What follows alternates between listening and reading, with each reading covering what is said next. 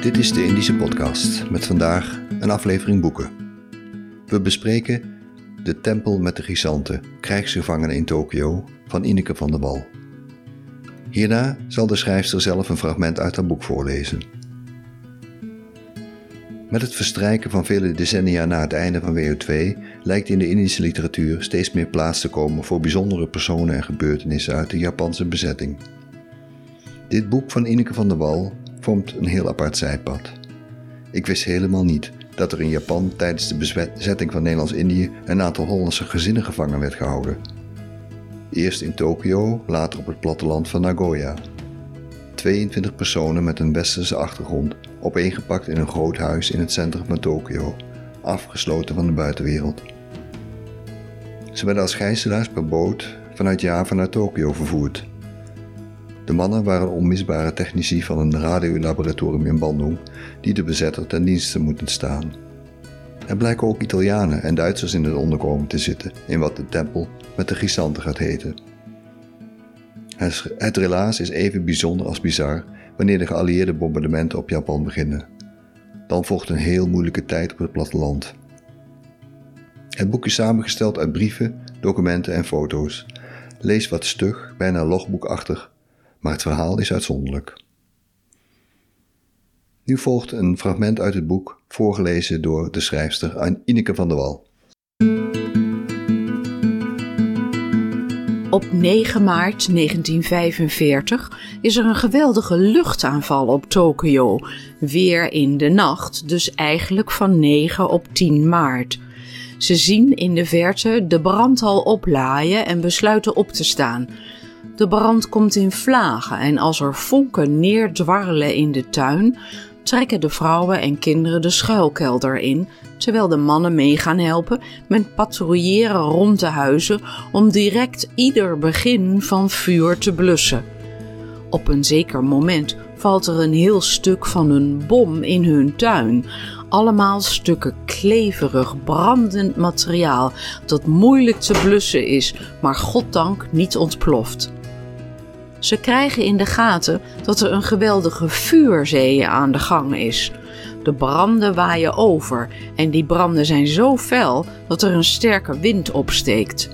Het houten huis achter hen vliegt in brand en al die vonken en kleine stukjes gloeiend hout komen naar hun tuin en ze zijn als de dood dat hun eigen huis vlam vat. De waterleiding werkt nog en ze blussen zo snel mogelijk elk beginnend brandje. Naast hun huis staat een dode boom, bedekt met klimop, en die vat bovenin vlam, een heldere steekvlam van zo'n drie meter lengte die meezwaait met de wind. Als de wind draait, kan de vlam hun huis bereiken en dan kan het in vlammen opgaan. Geo Levenbach organiseert een kettingbrigade met emmertjes water en dat werpt hij op de boom vanaf het balkon op de tweede verdieping. Intussen heeft de kok een laddertje tegen de boom gezet en probeert met een vuurzweep het vuur uit te slaan. Een iets wat desperate poging, maar behoorlijk moedig van die kok, die dus onder het vuur staat. Het gevolg is dat het water dat Geo Levenbach misgooit vanaf het balkon op de kok terechtkomt. Is goed genoeg om met geen woord te klagen dat hij door een geminachtig gevangene is nat gegooid.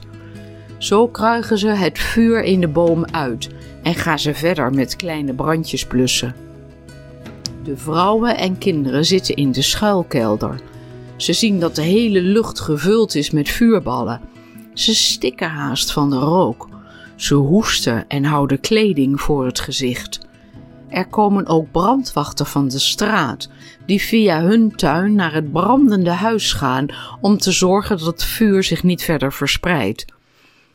Het laatste uur, als de brand zo dichtbij is, vinden de Japanners de schuilkelder niet meer veilig en worden de vrouwen en kinderen in de hoek voor de garages gedeponeerd, ieder met zijn koffer en handtassen, waar je het allernodigste en waardevolste in hebt gestopt.